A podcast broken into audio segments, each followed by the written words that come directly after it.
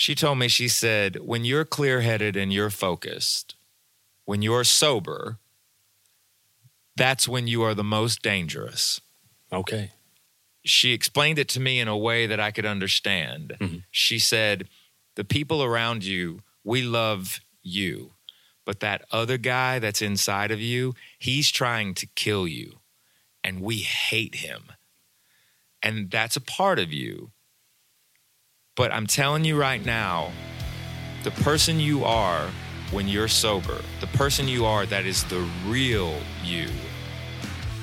When you are sober, that is when you are the most dangerous.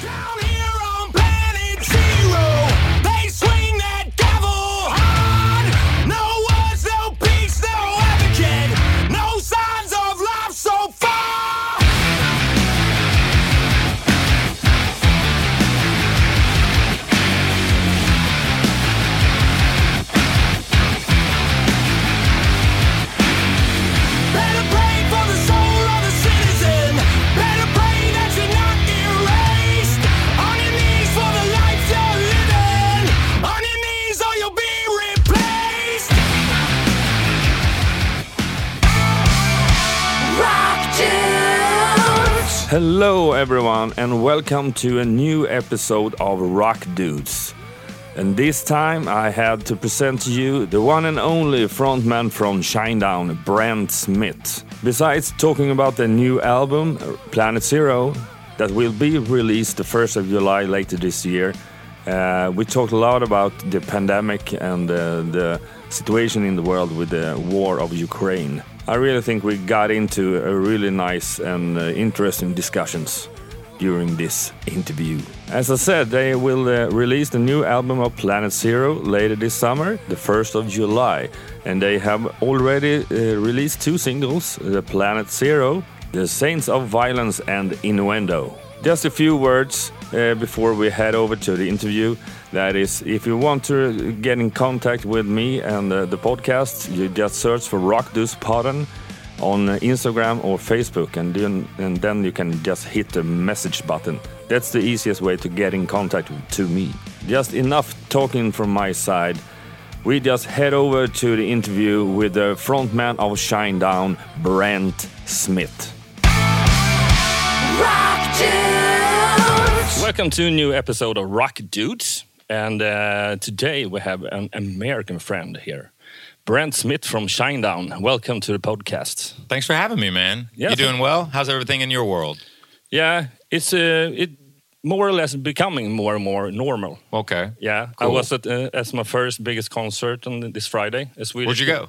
Uh, in the Avicii Arena, Globen. Okay. Who was playing? Uh, Molly Sandén, a Swedish act. Okay. Do you know of her? No. I don't. No. Were they good? yeah, she's a phenomenal voice. pop- Awesome. Pop, as- artist, and I was there. Actually, it was the biggest first concert with my daughter. Nice. So she's How old's nine- your daughter? Nine years old. Oh, wow. Yeah. Okay. So that was really big. So it was like a dad daughter outing. the whole family. The My whole wife family went. the- My wife as well. Got so, it. so that's good. That's awesome. I'm glad you guys were out enjoying live music. Yeah, and uh, just waiting. She she has she has been on uh, quite a few festivals, uh, like uh, Lollapalooza, for, Okay. for like three years ago. Nice. But no, not this big concert. In How many hall. people was it? It was like ten thousand or something like that. That's pretty big. Yeah, it was the biggest of her for her as well. That's awesome. Okay, back to you. Uh, you're the star, not me. I'm just Um, happy to be here. Yeah. What's what's your life like today? We've been like um, three, uh, two years of a pandemic. Pandemic. Yeah, I mean, the thing about um, me and, you know, with the band, uh, myself and Eric and Barry and Zach, we never really changed our thought process even in the beginning of the pandemic. I mean, the biggest thing for us was me and Zach were working on a, a side project that we have called Smith and Myers, and we were in the middle of recording a double album before the the lockdown happened in February and March of 2020. Um, but ultimately, with that, um, I remember when lockdown happened, we we unearthed this song in Shinedown called Atlas Falls. We started to work with this organization, Direct Relief, and we we were able to raise a half a million dollars Oh. with them for uh, COVID nineteen response during the beginning of the pandemic, and then me and Zach did. Um, 20 right around 2022 drive-in shows in 2020 as Smith and Myers and then I arrived in South Carolina with Eric our bass player who produced the new record um, Planet Zero. Also was the engineer mixer and producer of the last album Attention Attention. So when uh, when we got together we started to kind of figure all of that out and then me and Zach finished out the year of 2020, did some shows through December. Last year, uh, Shinedown, we went out while we were recording and writing Planet Zero. So we did eight shows in the summer, took a two week break, and they did five weeks straight on the road to Shinedown. There were a lot of like postponed Yeah, dates yeah, yeah, that we did. So we were doing that and then uh, move into this year. Um, and obviously, we're extremely excited about Planet Zero coming out. Um, the release date's April 22nd. Obviously, the single's out right now. Um, but uh, we just finished up a three and a half week tour in the West Coast. Those were postponed dates as well. And I'm heading back to America um, in a couple of days. And it's time to get ready for April 1st, which is the first arena tour that we're going to do this year um, with a completely brand new stage. So we've been busy. Yeah, we've we- been very busy. Cool, cool. So then uh, it hadn't been that uh, different uh, during these two years. Besides, you almost plays double up many shows a normal year. Yeah, I, think. mean, you got to understand it from our perspective. Um, you know, I think about how people will talk about the internet being undefeated, and this experience in the last two and a half years, three years with, uh, you know, the pandemic is, you know, the internet is not undefeated. Mother Nature is undefeated. Yeah. And that was something too that um, we really learned a lot because we were educating ourselves. Like that was the thing too. When the pandemic began, um, I think everybody was they were willing to just stay inside without knowing when they would actually be let out, which I didn't understand that mentality as a human being. Um, I just wanted to know what was actually going on. So I think the biggest thing was trying to find out what the truth was as everything was happening in real time. Um, and you want to be empathetic and you want to be sympathetic to people. Everybody have different situations in their personal lives. You know, when you talk about public health, and you're not talking about just one territory or one country. This was a pandemic, is a pandemic, however you want to look at it. I don't think you can call it a pandemic anymore because the percentages don't add up. No. Um, and that's uh, you know now we're dealing with a war between two countries, um, which is something where once again the rest of the world is is looking to see what do we need to do here, like how do we end this? Because it's interesting how something as devastating as a pandemic begins to end, and then something as awful as a war begins. Yeah, it, it- you cannot just uh, stop up and uh, take a breath. No, not at all. And- but if you look at history and you do your research and you study history, you'll see that, you know, every century something of this magnitude occurs, uh, especially since human beings, uh, since we arrived, if Yeah. you will. Um, but the thing about that is, is um, I believe in human beings. Like I believe in humanity. I'm somebody that I think that we are as people. Um, I believe that we are much more alike than we are different when you when you really look at the real world. That was another thing for me too. And I know that not everybody can just pick up and move on a dime, maybe like I can. I'm what you would call I'm a true min, uh, I'm a minimalist basically. I have two things that I own. I own two suitcases that I travel with, and that's it. I don't even own a home. So I live in and out of hotels, and I move, you know, constantly. Um, and the thing about that is, is for me, I was always going out into the real world during these last two and a half years, not unlike what I was doing before that. Um, because I couldn't just shut my life off. I couldn't shut down um, being educated and learning what was going on. I was trying to be respectful of everyone, but also, too, I was very open about my opinion, which was you can't possibly want to continue to live life like this. People need to be able to assess their own risk. You need to, they need to have their lives back. That's very true. So, but how is it to live like that uh, with with two suitcases and just uh, move move around? Is it is it has been like that for all your life, or Yeah, it was interesting. Um, I I think for me, um, I'm the opposite also of like a hoarder. like I don't keep anything. Yeah. Um, and some people have been like, well, wait a minute, you, you you have to have some things. And so I have guitars that are actually in my parents' house that um, I had to ship to them, you know, over the years. And you know, the the band has, um, you know, there's some accolades and and what have you, but I'm just not a materialistic person. Um, so for me, it's very uh, I value my freedom. And there's something very free about being able to get up and move when I need to. Um, not to say that I won't settle down one day, maybe, and, and, and have a home in a certain location or in a certain country. You know, my priority in my life is my son, who's 14 now, Yeah. and he lives in Florida. So, what I do a lot of times now, uh, because we will in the band, we try to book the year out in advance. Like this year, we have 199 days on the road already booked for this year. Um, but all of the windows of time that I have that I'm off the road, um, I'm with my son. How, how do you live with the with the son? Do you have like a temporary apartment or? Oh, I'll just go to like a hotel, Yeah. or I'll I'll find like an extended stay. In America, there's a ton of those. They're not like uh, hostels or like um, you know bed and and breakfast type places. Um, I'm pretty resourceful just because it's the way I've been living for quite some time. I owned a home in California between 2011 to 2016. But of those five years that I owned the home, I was inside of the house maybe seven months of Oh. that. So it made no sense. And it was a big house. And I just remember looking around at it at one point in time going, this this needs to go to a family. Yeah. Like that where they can raise children here and uh, so I was lucky when I sold the house. It went to a family of four, which I thought was really. It was a younger couple, and uh, and they had two young children, so I was happy about that. But And yeah, it just didn't make any sense for me. Okay. Um, of course, we are going to talk about your new album, Planet Zero, and uh, uh, Have you had a chance to listen to it? yeah, a couple of times. I got it uh, late yesterday. So Oh, you got it yesterday. yeah. Okay. Uh, but I listened to It's a lot to unpack. Yeah, yeah. Especially the first. The first thought was twenty tracks. It was the first uh, thing I, that I saw. Yeah. But but you have like a lot of bridge tracks, or what do you call it? Uh, Interludes, that are very specific seg- segues with a uh, artificial intelligence by the name of Siren. Yeah, but you haven't done like that before on an album. That kind of Not to this extent, no.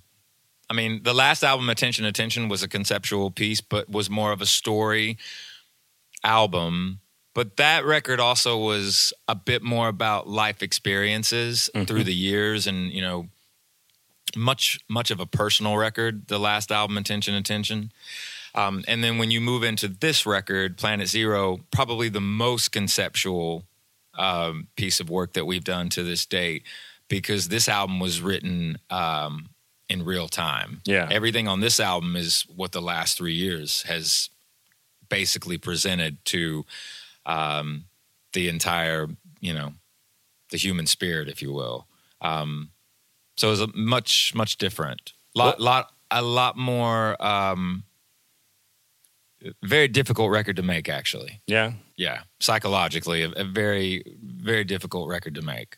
Is it because it's uh, it's more of a global theme of it? It- It's not not uh, directly personal things. Uh, Yeah, because you're also you're having to look at this album is not about picking a side, you know, whether you believe one thing and this person believes another because at the end of the day, this album is about um finding the truth, um understanding that as a society of people, remember we're not alone on this planet. Like we're inhibiting this this planet with a lot of different organisms and creatures and elements and you know it's it, it's so vast it's so big um, and trying to understand our own empathy towards each other but also the empathy towards everyone's situation. How do we move forward? How do we understand that once again we're much more alike than we are different from each other? Um, so having these topics and going this deep into this type of psychology uh, is something that some people might say, "Do you really want to go down this road?" Um, but I think that it was, I think it was necessary. I just, I couldn't write from a lyrical standpoint. I couldn't make up a, I couldn't draw you a pretty picture because that's not what was being presented to us. I had to draw you a realistic picture. What kind of reading and research did, did you do before uh, starting writing? I mean, the very first thing that I did, I remember in America, it was, you know, 15 days to flatten the curve. Yeah. I remember that. And then uh, they didn't let us out for 15 months. I mean, I went out, but that was on my, you know, that was on my own. Um, the very first thing I did, I remember uh, I Googled coronavirus. I didn't know what a coronavirus was. No. Um, I didn't understand what COVID 19 meant. I had never heard of what a pandemic was. I had never heard the term social distancing. I was just like, what are what is this? Um, so I just started a lot of key words, and I remember the very first day of lockdown. I woke up around 10 a.m. I remember too, like a lot of media was saying, "We're not asking you to go to war. We're asking you to watch Netflix and hang out with your family." Yeah. Well, I was in a hotel. Yeah. And because I was working on a record that just like stopped for a minute and we were in the midst of this lockdown. And so I couldn't really do that because I was more of the mindset of what's going on? What's actually going on here? So I needed to educate myself on what a coronavirus was. And then down that um, path, you learn things that I, I never knew. Like one thing is I had no idea that the common cold was a coronavirus. So right there, I was like, okay, well, you're never going to get rid of this. It's a virus. You know, you can't eliminate it. Uh, it doesn't work that way because it's going to mutate. That was the other thing too. And then that first day, that first week, really, I started to learn what herd immunity was. And then I was thinking to myself, wow, we are we're, we're in such a very very difficult situation right now because I kind of foreshadowed everything that's happened. I'm not going to say that I I I kind of early on saw it happening the way that it did, but I kind of saw it happening the way that it unfolded. Um, I remember talking to a friend of mine, you know, after the the two weeks when you know it was we just need 15 days and then we're gonna we're gonna let you out, and they weren't letting you out. Mm-hmm. And I just remember saying to them, "It's gonna take five years." Mm-hmm. And they were like, "What do you mean?" And I just said, uh, "Just the way this is going. You do the research." And then I started to research the Spanish flu and what had happened because it had been hundred years since Yeah. something of that magnitude had happened for us. Um, but also learning about the Hong Kong flu in like the late '60s, early '70s, I believe. You'll have mm. to you probably have to fact check me on that, but. Um, you know, the Hong Kong flu was something that happened, and the governments just didn't tell anybody that it was happening because they were like, if we tell everybody, it was basically survival of the fittest. Um, but just finding out, looking at human history and seeing when the last pandemic happened, how long did it take to get past it, which was essentially about three years. You know, finding out that, you know, 1918, that's when the roaring 20s happened too. Like that pandemic started, and then that's when nightlife became a thing because people had been inside. You have these documented photos of people wearing masks and mm-hmm. at that same time. And, uh, you know, but you also see that it actually created quote unquote nightlife. Yeah. Like the Roaring Twenties was born out of coming out of a pandemic. Um, nightclubs were created and all this, you know, so it was interesting to see that too. So I just tried to immerse myself in as much knowledge as I could, but also inside of that, also um, was uh, learning about the body and learning about the immune system and learning that if you give your immune system the the tools that it needs to survive, it will protect you. Yeah. And I know there's going to be people that go, "Well, not everybody's born with a perfect immune system," and I'm under I'm aware of that. I understand that. Um, but the human body doesn't want to be sick. The human body wants to heal. Um, the human body is also not meant to be stagnant, which means it's not meant to just sit all day long. Like we're supposed to move. And that in and of itself, we're supposed to be outside. We're supposed to be in different climates, different uh, environments because your immune system needs to face those different viruses, that bacteria, those different organisms, uh, because it's just the daily routine of what your body fights off just living your life before the pandemic. Yeah. The worst thing that you can do to an immune system is dumb it down Yeah. or put it inside because now you see a resurgence of, you know, there's different uh, you know, the flu was virtually non-existent uh, in America this year. There was a uh, report that came out a couple of days ago where the flu shot was pretty much it, it, it didn't have any effect on anything because there really wasn't a flu. Um, and these are all like hot topics, man. They're, Yeah, yeah. they're they're key points where people will take this interview and they'll try and uh, I mean, it just kind of depends, you know, freedom of expression, freedom of thought, freedom of the press. Um, but that inside of this too was really educating yourself as into what can you learn that's actually fact. Yeah. And if you understand also going back to the dynamic about the internet and how it's not the internet that's undefeated, it's Mother Nature who's undefeated. Um, in the real world, what I witnessed when I would go out and not see what was going on on my smartphone screen was that it wasn't the narrative that a lot of media was trying to present to people that everything was awful, everything we're doomed. Um, it just wasn't that. Uh, I think that people were doing their best to live their lives, to be good to their neighbors, to be um, respectful of the situation. Um, but at a certain point in time, there's a breaking point in any society where enough is enough. Yeah, that's that's totally right. And I have during these two years, I have uh, pretty many reflections of uh, what's what's a good thing. The hardest part is to, when you talk about the internet, it's to know which sources are the best sources and uh, and trustful sources. Right. And uh, and that you have to ask yourself all the time, whatever you're looking for, of course. So Mm. what kind of act But during in, in this kind of kind of crucial period of time, when everyone wants to say something, Right. and, and you don't know if it's the correct thing or not. Right. So that's yeah. But I often tell people too, in regards to your smartphone, remember something. You're in control of that device. Yeah. Don't forget that. I think people forget that. Like what I see is that people are programmed to wake up with it. Yeah. Like I see younger, like my son is 14. So the younger generation, I actually can see like if they forget their phone at home or if they lose it for a second, they literally go into like PTSD Yeah, you yeah, know, yeah. where it becomes uh, where they don't know how to function without it, It's and more- it's- that's it- not good. No, no, no. You, you need to remember you're in control of the device. You can control what apps you download, what social media you're on, um, you know, what you choose to look at. Um, and once again, uh, it's up to you to do your own research. Uh, the truth is out there.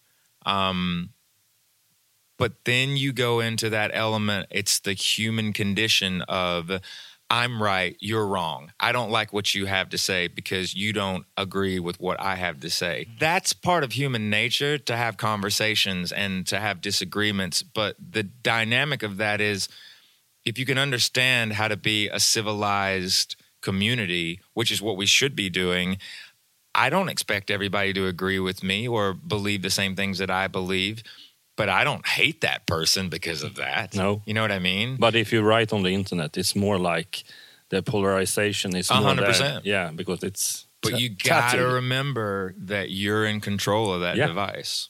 Yeah, yeah, yeah. Of course, but if just a few more percent of the people could Yeah. have the same opinion uh, as you say, uh, it would be me more uh, nice to be on the internet for the uh, most people that can't really think what's wrong and what's right.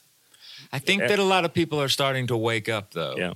I think that that dynamic of what I said a moment ago, uh, there is a moment in time in human history before us, right now, and even after us. At a certain point in time, there is a moment where enough is enough. Yeah, especially uh, here in Sweden, we often talk about that the school has a, has a large responsibility to educate the kids, of course, and I think it's will be more like as you here in Sweden learn Swedish and mathematics and th- things like that. You have a you have a lesson about the internet and sources and uh, how to how to think about that. Right. So I think that's maybe And make sure if you do have a smartphone that you download a VPN. Yeah. That's another thing that uh, is is something that not a lot of people know about, you know, in regards to proxy and who's actually looking at your data, how you can protect yourself. Um, so I think it's important for people nowadays to make sure you have a VPN downloaded on your phone yeah. that you trust. about the album Planet Zero, and we'll talk a little bit about the um, summarize of the album or what you can call it. Uh, and but music-wise, when I listened a couple of times, it's not that kind of different music-wise from the other Shinedown albums. It's more about the theme, about the the lyrics and things like that. Uh, Yeah, I mean, one thing that we tried to do on this record, though, that is a bit different. Like we're known for making these very uh, cinematic records, um, big wall of sound. Um, one thing that Eric did on this record specifically, because once again, our bass player, which Eric is probably a bass player last yeah, because he has such a wealth of knowledge of not only how to play multiple instruments, he has an incredible singing voice. Um, you know, he understands the technology as it constantly is changing in regards to software, recorded music, all those dynamics. Um, you know, one element too with this album was uh, we didn't know when, when we were going to be able to get into a studio to actually record for real, like the entire band. So it was very apparent that those studios weren't going to be opening anytime soon, like when we started to work on the actual songwriting of everything. So we took 18 weeks and built a studio on his property. yeah, okay, Um, but as we got in there, like sonically, he focused more on this record, not using as many effects like on the vocals, not stacking the vocals as much and layering as much with the guitars and what have you. Like a lot of the vocals on the album are dry, and he pushed mix wise, he pushed the vocals up front a lot more.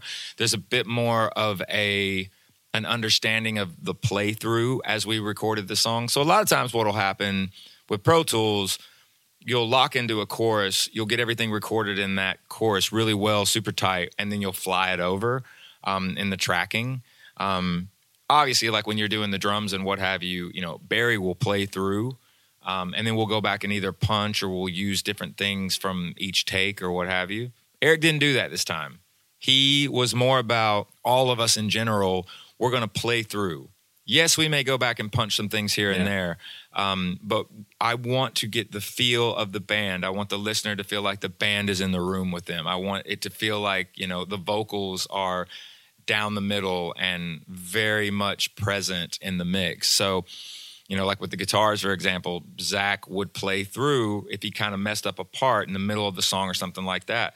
Like Eric would just stop, and it would be one of those things where it's cool, no big deal, but you got to start over. yeah. So you got to play it through to the end. So, so from the start to the end. From start to the finish, Yeah. you know, like in each song. Like he really wanted, and it also allowed you to be much more consistent with the song, and you had to study it, and you had to kind of be prepared to play it. yeah, Um, and then at that point, he was also just looking for your performance, Yeah. you know, as you were playing it. Um, and Eric is fantastic in the studio also because he's not a quote unquote like a drill sergeant in the in the studio. He never punches down on anyone. He never disrespects anybody. Um, never makes there. There's no like if you're being silly, it's one thing and, and kidding around and joking, but like no one makes fun of anyone. No one like there's no malice in the studio with Eric. Like it, it- everything is a very um, welcoming environment, a very encouraging environment. Like Eric focuses on giving you every ounce of your confidence when he hits record. Um, and he's also very present in the studio too. So like he's there with you the whole time. yeah. Um, I don't think the man slept for 18 months. it seems like that. he he the guy didn't sleep, man. Um, and he wanted a lot of attitude on this record, man. Yeah. You know, he was just like, if you got to, you know, we've said it before. There's a great quote by Miles Davis, the famous jazz musician, where he said, if you're going to play a song, play it with some attitude. yeah. You know, and so we kind of adopted that mentality as we were making this record. I uh, understand the um, the um, big theme part, uh, lyric wise. Uh, I'm more of a, a music vibe, Yeah. groove kind of guy, and you have a very dynamic album. Uh, it, you have the classic Shinedown hard Yeah. heavy, uh, the hard rock songs, and uh, and some ballads, Yeah. of course. Uh, but I think we opened the record with the, the the fastest song we've ever put on it. yeah, album. it was more like punky or Yeah. something like that. And we we, we got uh, Zach to do a couple of sweeps on the Ah. guitar for like the first time, which was super cool. Yeah, but that one uh, is war, uh, was also that you have like a big band for me and big uh, uh, influence in life and everything is like Rage Against the Machine. Yeah. You had like their groove in some of the songs as yeah, well. the Saints of Violence and Innuendo, Yeah. uh, one particular song. But I'm gonna tell you right now, man, it's amazing what a Telecaster and an amp turned to 11 can sound like. Mm. Yeah. So you know, and a Strat for that example. Um, we just used a lot of. Um, once again, man, like really focusing on not layering as much as we've done in the past. It was more about get a guitar that you've not necessarily used as much. Like, not everything needs to be a Les Paul. Um, and, you know, down to like, you know, the gauge of the strings, what kind of guitars we would use. Um, but that attitude, um, also too, when you talk about Rage Against the Machine, that's probably one of Eric's top five bands Yeah. of all time. So, you know, we I don't think that we're copying anything, but I think influenced. Yeah. We were able to kind of put more of we had way more of a metal influence Mm-hmm. on this record in in certain songs and way more of like a punk influence on some of the songs on this album. I think that every song on this record, even the stuff that's a little bit more ballad-esque, uh, piano based or string based or what have you, acoustic guitars, um, really, really tried to focus on the melodies being really unique and you know pushing the envelope for us. We try not to write the same record over and over again, and we do our best to not write the same song twice. Yeah. Uh, have you? You're talking a lot about the, instrumental part. Yeah. Just also to make uh, another focus on your vocal uh, Yeah. in the mix. Have you changed your recording style, voice wise? Not really. No? Um, because every time I go in, we don't really subscribe to the idea of a demo. So, like when we're writing a song, a lot of times we'll write the song and then I'll go in and I have such a fresh take on the song because it's being born right then and there. So, when I go to sing the demo, or I go to sing the song for the first time, a lot of times the quote unquote the demo vocal is the vocal we use on the album. That's because cool. I'll go back and try to beat not I don't I don't even like saying I'll go into the studio once we have the arrangements ready and Barry comes in, Zach comes in, or we all get in there together, and then we listen back. A lot of times for Barry, I'll have the vocal already recorded because we've written the song, and I'll you know I have to do the vocal to Yeah. understand what the song is, and I don't go in and do like sh- scratch tracks Mm-hmm. with the vocal. Like when I go to the mic, I'm going to sing it for real. Mm. Like I'm that day when I get in there, like here we go. Mm. Um, so a lot of times Barry will have the done vocal, at least ninety percent of it done, um, and that means the doubling, the ad libs that are in the song, the harmonies, all the beds um, are pretty much there. Um, but what I tried to do on this record was go back in because I could sit with those songs a little bit longer, and if I felt like I could do it better. Or I felt like I understood the the vocal better, or like I wanted to change the melody to something, or like maybe if I wanted to change a word or something, I could go in and do that. Um, but for the most part, for me as a vocalist, it's not really changed that much for me. Most of the time, when I first sing the song, the moment that the song is born, you're you're getting you're getting all the emotion out of me at that moment in time. If I go back and try to just replicate it, you're basically going to get a take where I'm just trying to replicate what's already there. And if there's nothing wrong with what's already there, then use that. Yeah, um, that's really cool because uh, generic, uh, generic wise, it's uh, the, the the kind of music you are represent with Shinedown his, historically from the start to the to, to now is more, especially for me, it has not every time been easy to, for me to adopt this thing because I really need the, the groove to just hit me. Right. uh, and uh, and it's more like the song has to be pushed really hard and will really be pres- uh, present Yeah. in the mix. But it's really cool to hear that, that you're really in the feel when you when you do the recording. Yeah, you have to be very present. Yeah. You have to be, and and we're all very present during the entire time. I mean, obviously, a huge, a, a huge part of that comes down to Eric. Yeah, Um, because when you're talking about the last two Shinedown records, he's the mixer engineer. He's the main mixer, the main engineer, and he's the producer. So when you have a band member and you're doing a record, an album, I should mm. say, and you're doing it what we consider, if that's happening, that means that you're doing it in house. Mm-hmm. Like the label sometimes will be a bit petrified when a band does it Yeah. themselves for the first time because they think you're going to build a spaceship yeah, like you're going to turn into a prog band or something. You know, especially a band like us that a band that's trying to be we're not showing off musically in our albums. We're writing songs.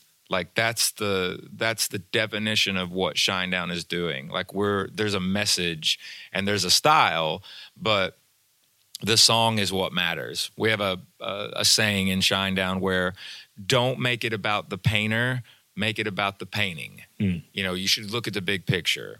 And so we're not there's there's not these moments of like you know look at me look at me look at me. You know I can play guitar really really great. Uh, I'm a great drummer. You know look how cool I am on the bass guitar and I can do all these wild runs and look at my voice. I can sing all these octaves and do all this stuff with my voice.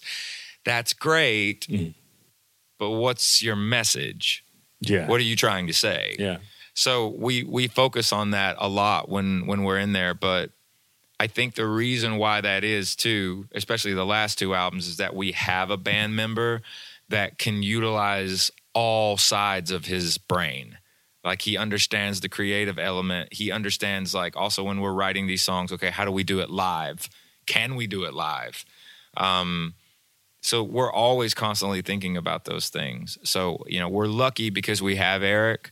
Um, but Eric would say the same thing that he's lucky that he works with a band that cares about, you know, we care about our craft. yeah, Yeah, the other thing too is, I mean, Eric has also said, you know, look, man, I've done the last two albums. I, you know, I'm not expecting to do the next mm. one per se. Yeah. I, you know, at a, as, he's like, at a certain point in time, I, you know, yeah, we'll want somebody else to come in and and maybe they can untap.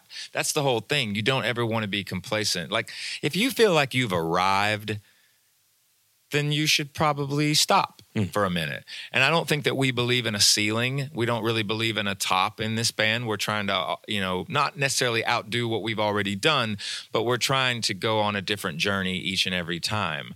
But I remember Eric saying something really straightforward about, you know, making a Shinedown record. He said it on the last album because it was the first album. He had done songs like Cut the Cord, that was Eric's production. And, you know, me and Eric wrote that song. Diamond Eyes, that's me and Eric and Zach wrote that song, but that's Eric's production with uh, Chris Lord-Alge's mix. You know, uh, same thing with like Unity, same thing with Enemies. Um, these songs where it was like individual songs. Her name is Alice, that's Eric also. Um, but it was time for him on the last album it was time for him to do an entire record Yeah. and one of the key things that he said about that was he said point blank i would rather go crazy making this record rather than watch someone else go crazy trying to make this mm-hmm. record so i i if that makes any sense, he looked at it as nobody else is going to be able to make it sound the way I'm going to make it sound. Mm-hmm. And it may be difficult for me to get it, but I know I can get it. Mm. And then the same thing with this album with Planet Zero. Uh, believe me, man, there was nobody else that was going to be able to to take a record like this on that wasn't involved in the band. It would have just it would have been impossible, I think. I don't think that you would have been able that an outside person would have been able to understand it. Cuz I mean, we live, breathe everything this band, but specifically this record and because the record was written in real time with events that were going on in modern day. Uh, we were very very lucky that we were able to do it in house. Yeah, of course. When you just look through the uh, record, um, I just very cu- curious.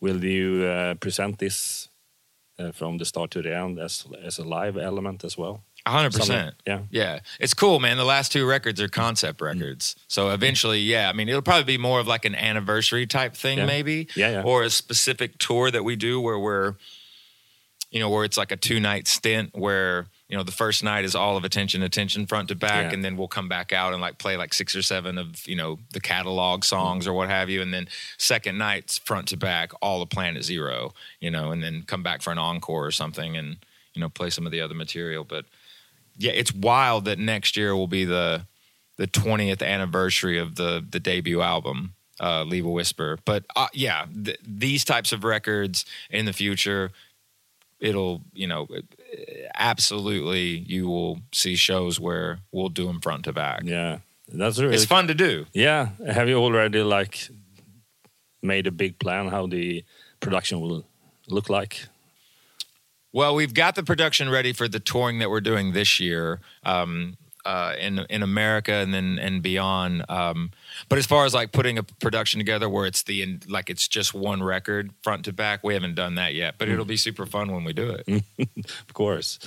Uh, It'll be fun and it'll also be expensive and exhausting. yeah, that's that's the other thing. It's, it's there's there's there's the money element. Rock dudes. you, you're like 44 today. Today, yes, at this very moment in time, I am Yeah. 44 years When- old. When, Yeah. we're recording this. Yeah, yeah, yeah, yeah. The 14 years old guy, 14 years old. Okay. if he look into the life you have lived for 30 years, hmm uh, what do you think he would say about it? What uh, dream wise, or did you know when you were 14 that you are going to work as a musician and with the band? Yeah, I think the 14 version of 14 year old version of me, if he could, if he could have seen into the Yeah. future, he would have said, "Wow, I'm going to be busy. Yeah, I'm going to be really busy." yeah, yeah, yeah.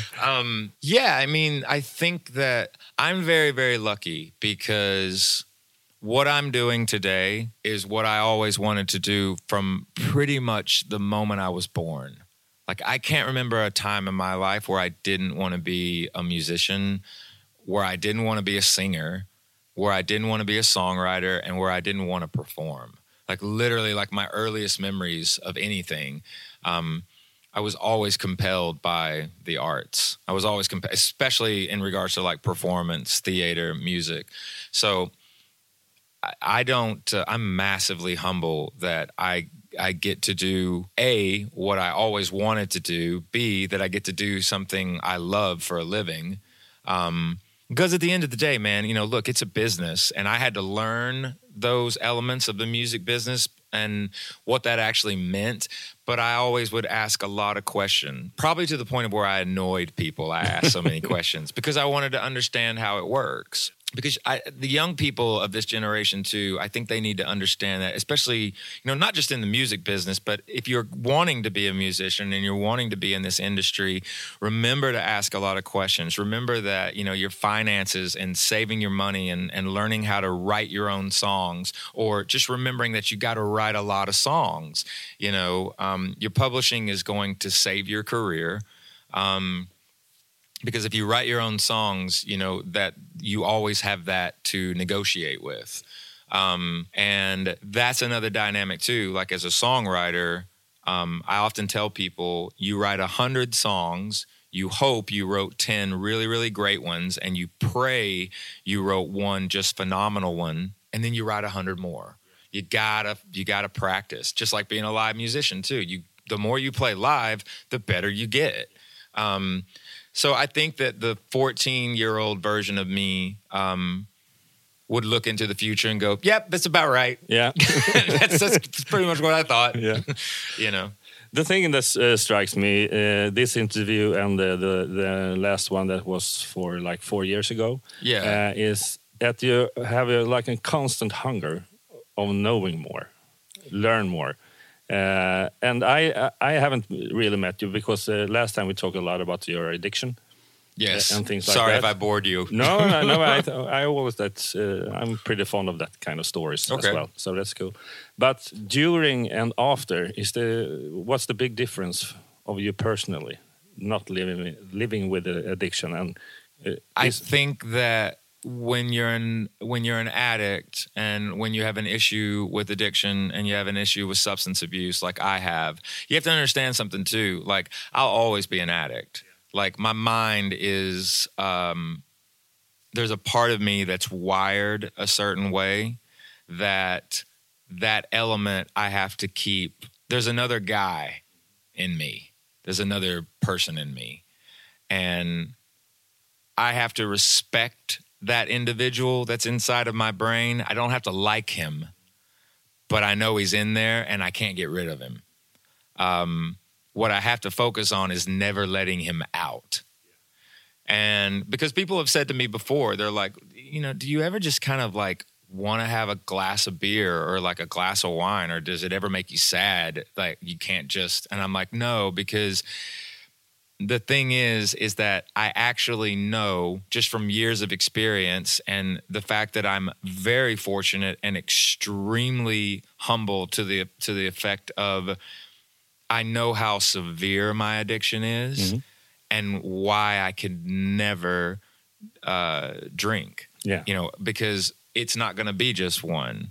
No. And the other thing, though, is that that road in your mind, those pathways that once drugs and alcohol unlock those roads, they never pave those roads. Like those roads lead to the same dead end. yeah Like, and it's never going to be any different. I'm lucky that I had survived it. Um, because I was in a lot of situations. If I look back at it, um, I think to myself, my God, it could have been a lot worse. Yeah. It could have gotten worse. And a lot of times you have to hit a rock bottom, but some people's rock bottom, uh, unfortunately, is death. Um, so the fact that I'm alive, I take that very seriously.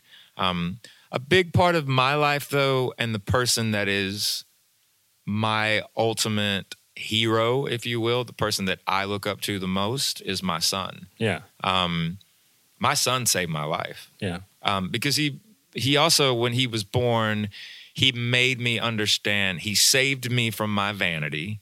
He made me understand that it was no longer about me and i'm no good to him if i'm dead. No. And i want to be alive you know for knock on wood as long as i am am allowed to be. But i have to work on that on a daily basis. I have to make sure that i keep my mental health in check and that i am aware of my surroundings and to not put myself in a dangerous situation um, where i know that i could be triggered to do something that i know is not a good idea um, but I'll tell you this I had a very good friend of mine tell me something that I keep in the front of my mind at all times in regards to my sobriety. Because I never went to a rehab facility, I never was counseled necessarily. I had to do it. Um, it's gonna. I'm not gonna say I did it on my own, but for me personally, and I think that people that need the 12 step program, I think that is a, you should do it. If it works for you, do it. There are people that did have to do rehabilitation and it might have taken three, four, five, six times, but eventually it, it, it sunk in, it got through. Um, but a friend of mine once told me, he said, um, basically, well, really, it was she. She said this. She told me, she said, when you're clear headed and you're focused, when you're sober, that's when you are the most dangerous. okay She explained it to me in a way that I could understand. Mm-hmm. She said, The people around you, we love you, but that other guy that's inside of you, he's trying to kill you, and we hate him. And that's a part of you. But I'm telling you right now, the person you are when you're sober, the person you are that is the real you, when you are sober, that is when you are the most dangerous. And that really hit me, man, and and stays with me. It was like a light bulb went off. And maybe it was just because of the way she expressed it to me that it made sense to where it was an epiphany in a lot of ways for me, hearing it like that. But she's not wrong. The fact that I've been able to be clear headed and focused um, for this many years now, um, you get better at what you do. I'm a better singer. I'm a better father. I'm a better friend. I'm a better businessman. Um, I want to believe I'm a better person. You know, um, for me, I think that if uh, you know people that can have a cocktail and have a drink and you know more power to them, but there's just some people that can't. Yeah. You know, and I'm just one of those people. It's like uh, everything is uh, not for everyone. Uh, Exactly. So that's that's a good part. Unfortunately, an hour goes pretty fast. It does. and it has been really uh, interesting and uh, very fun to be to have you as a guest. Thank the you. I had a blast, man. Yeah, thank you, Let's try not to make it so long next time. thank you. My pleasure, man. Thanks for having me today. Rock Dudes! Thank you for listening to Rock Dudes number 111 and the guest Brent Smith from Shinedown. It was a really blast to talk to him again.